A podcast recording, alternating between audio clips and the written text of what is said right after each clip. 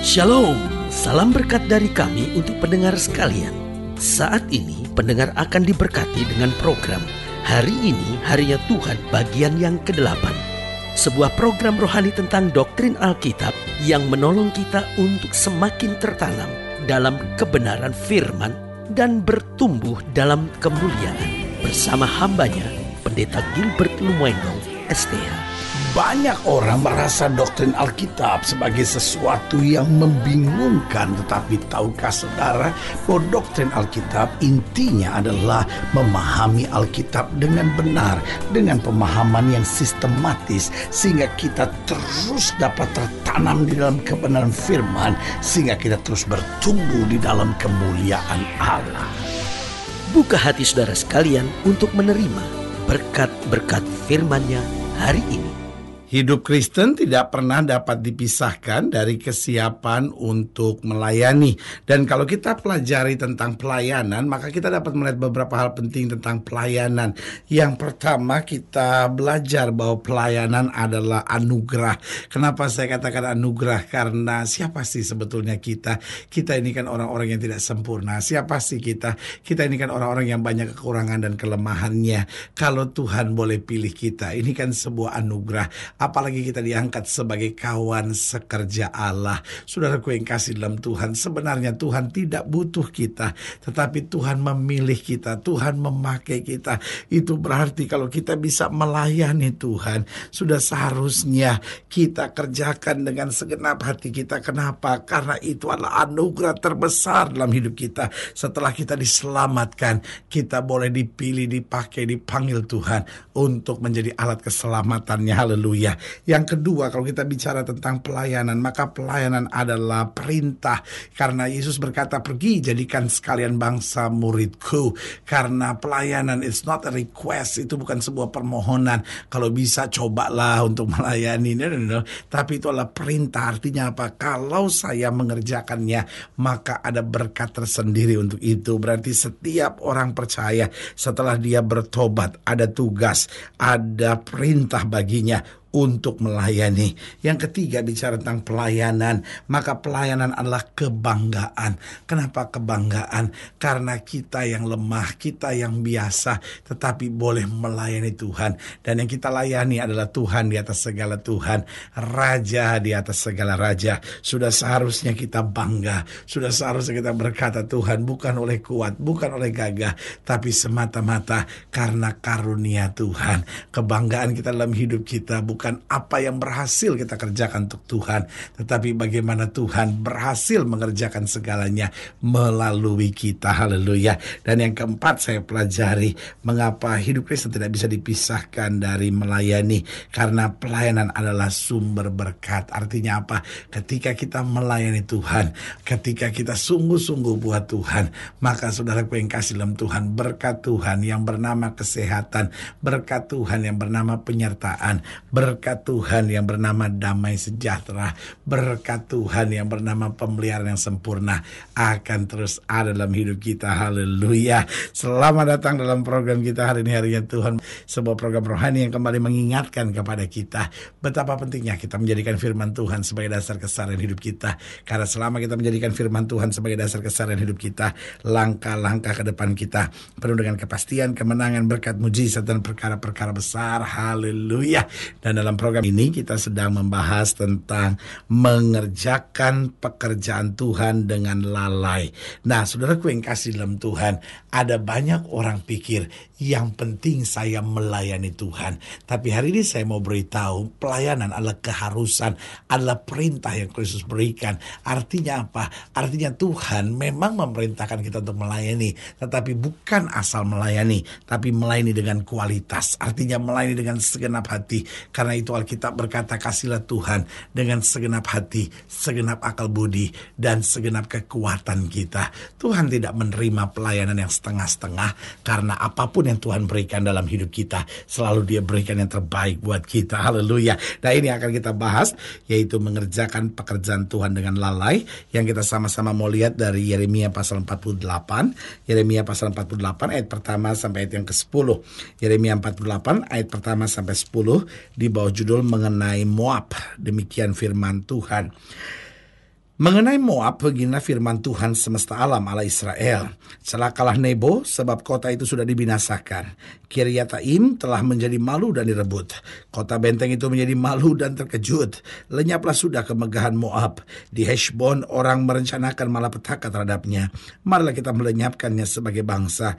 Juga engkau, hai Madmen, akan dibungkamkan. Engkau akan dikejar-kejar pedang. Dengar, teriakan dari Horonaim. Kebinasaan, kehancuran besar. Moab telah hancur lebur. Kedengaran orang berteriak sampai ke Zoar. Sungguh orang mendaki pendakian Luhit sambil menangis. Sungguh di jalan turun ke Horonaim.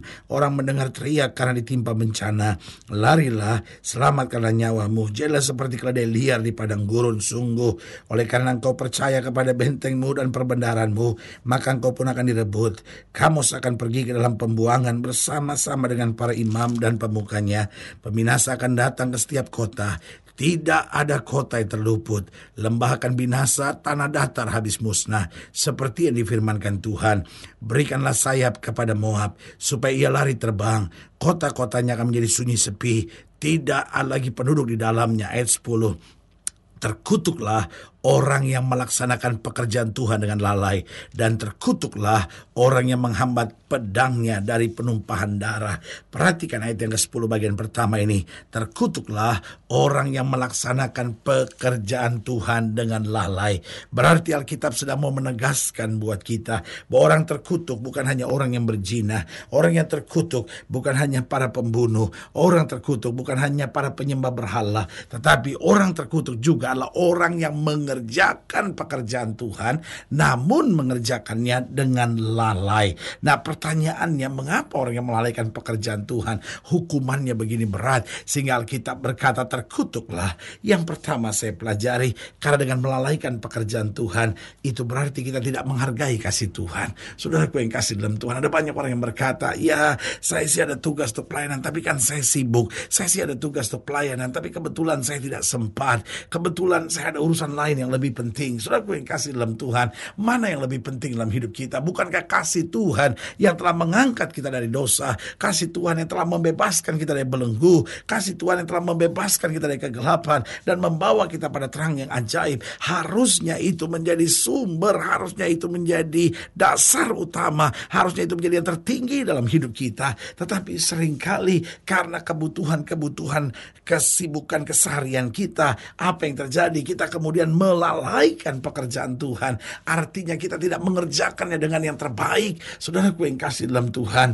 tanda bahwa kita menghargai kasih Tuhan dalam hidup kita. Maka kita berkata apa pun yang saya kerjakan buat Tuhan, saya akan mengerjakannya dengan yang terbaik, dengan segenap hati saya, dengan segenap jiwa saya, dan dengan segenap kekuatan saya. Selalu saya bilang 99% buat Tuhan tidak cukup. Bahkan 99,99% ,99 buat Tuhan tetap tidak tidak cukup karena Tuhan memerlukan 100% dari kita. Kenapa? Karena dari pihak Allah Allah selalu memberikan 100% yang terbaik buat anak-anaknya. Persoalannya, Tuhan tidak melihat hasil kerja kita, tetapi Tuhan lihat kerja keras semangat kita yang selalu mau mengerjakan yang terbaik buat Tuhan. Jadi ingat, mengapa melalaikan pekerjaan Tuhan itu adalah perbuatan terkutuk kata Alkitab. Yang pertama, karena dengan melalaikan pekerjaan Tuhan, kita tidak menghargai kasih Tuhan.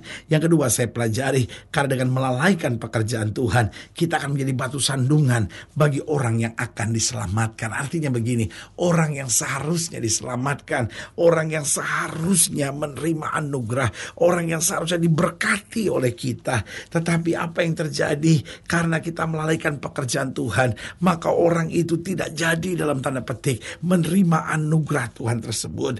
Karena itu saudaraku yang kekasih dalam Tuhan, itu sebabnya Tuhan bilang terkutuk saudara-saudara.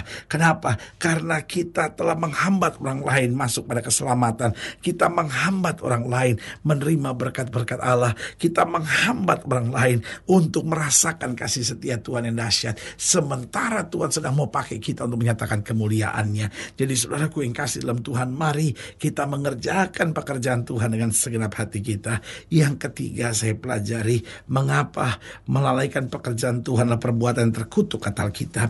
Karena dengan melalaikan pekerjaan Tuhan itu tanda bahwa kita tidak tahu diri saudara-saudara. Siapa sih kita? Kita kan orang yang telah ditebus oleh Tuhan. Siapa sih kita? Kita ini kan orang yang berhutang kepada Tuhan. Siapa sih kita? Kita kan tadinya orang-orang yang berjalan menuju neraka, tapi diselamatkan oleh karena kasih karunia Tuhan. Masakan ketika Tuhan membutuhkan sesuatu dari kita, masakan ketika Tuhan mau buat sesuatu melalui kita, masakan kita mengerjakannya dengan lalai. Saudaraku, ini namanya kita nggak tahu diri, saudara-saudara. Kita nggak tahu bersyukur, kita tidak tahu menghargai segala kasih karunia berkat Tuhan.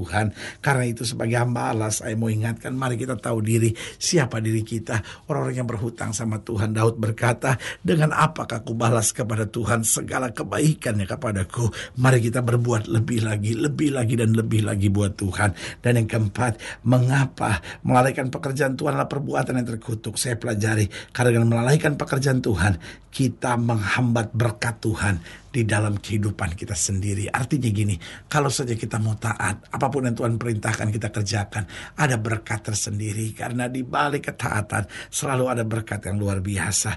Tetapi dengan kita tidak mengerjakan pekerjaan Tuhan dengan baik, dengan melalaikan pekerjaan Tuhan, kita menghambat berkat Tuhan dalam hidup kita sendiri. Karena sebagai hamba Allah, saya hanya mau ingatkan buat saudara, mari hidup ini adalah pelayanan. Kita hidup karena anugerah. Biarlah kita melayani. Bagaimana kita melayani? Yang pertama kita bisa melayani dengan perbuatan kita. Artinya apa? Lewat perbuatan kita kita menyatakan kasih Kristus. Lewat perbuatan kita kita menabur damai sejahtera. Lewat perbuatan kita kita menghadirkan suasana kerajaan sorga. Lalu yang kedua dengan apa? Dengan kesibukan kita dalam pekerjaan Tuhan dengan kegiatan-kegiatan gereja. Lalu yang ketiga, bagaimana kita melayani Tuhan, yaitu dengan menjangkau jiwa, dengan bersaksi, dengan bicara tentang kasih Tuhan. Lalu yang ke keempat, bagaimana kita melayani Tuhan dengan menolong orang yang membutuhkan. Kadangkala orang butuh uluran tangan kita, kadangkala orang butuh kata-kata kekuatan. Waktu kita dengan segenap hati mengerjakan untuk Tuhan, maka hidup kita menyatakan kasih kemuliaan Tuhan bagi orang lain. Haleluya. Saudaraku yang kasih dalam Tuhan, jika saudara dilayani lebih jauh, hubungi kami melalui telepon, hubungi kami melalui surat, kunjungi website kami. Karena kami ada untuk membawa Bapak Ibu Saudara senantiasa lebih dekat pada Tuhan dan mengalami kasih kuasa mujizat yang luar biasa. Haleluya. Secara khusus melalui program ini juga saya mau berdoa buat setiap Bapak Ibu Saudara sekalian, baik yang sakit, yang berbeban berat, saudara yang didoakan secara khusus sudah boleh taruh tangan kanan sudah di dada dan kita akan berdoa. Mari kita berdoa. Bapak dalam nama Yesus hamba doa buat yang sakit, hamba doa buat yang berbeban berat, hamba doa untuk setiap mereka yang sedang menghadapi masa-masa yang sukar. Karena hamba percaya bahwa bagi Allah tidak ada perkara yang mustahil.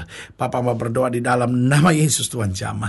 Yang sakit Tuhan sembuhkan, yang lemah Tuhan kuatkan, yang susah Tuhan hiburkan, yang jatuh Tuhan angkat. Bahkan yang berbeban berat, mereka mungkin hari-hari ini sedang mengerjakan pekerjaan Tuhan tapi lalai. Tidak sungguh-sungguh, tidak ada semangat lagi. Hamba doa di dalam nama Yesus. Tuhan kasih kekuatan, Tuhan beri damai sejahtera. Tuhan beri sukacita yang berkelimpahan. Sehingga mulai hari ini kami semua mengerjakan pekerjaan Tuhan dengan yang terbaik. Di dalam nama Yesus kami berdoa. Haleluya. Amin. Saudara gue yang kasih dalam Tuhan, kita sudah berdoa. Ingat, tidak pernah lalai menepati janjinya. Inilah saatnya buat kita untuk bangkit, bersemangat, bersuka cita dalam menghadapi segala perkara. Karena kita tahu Yesus hidup, Yesus berkuasa, dan selalu menyediakan yang terbaik buat anak-anaknya. Doa saya menyertai saudara. Sampai berjumpa pada program berikut. Dan jangan lupa, jadikan hari ini harinya Tuhan. Haleluya.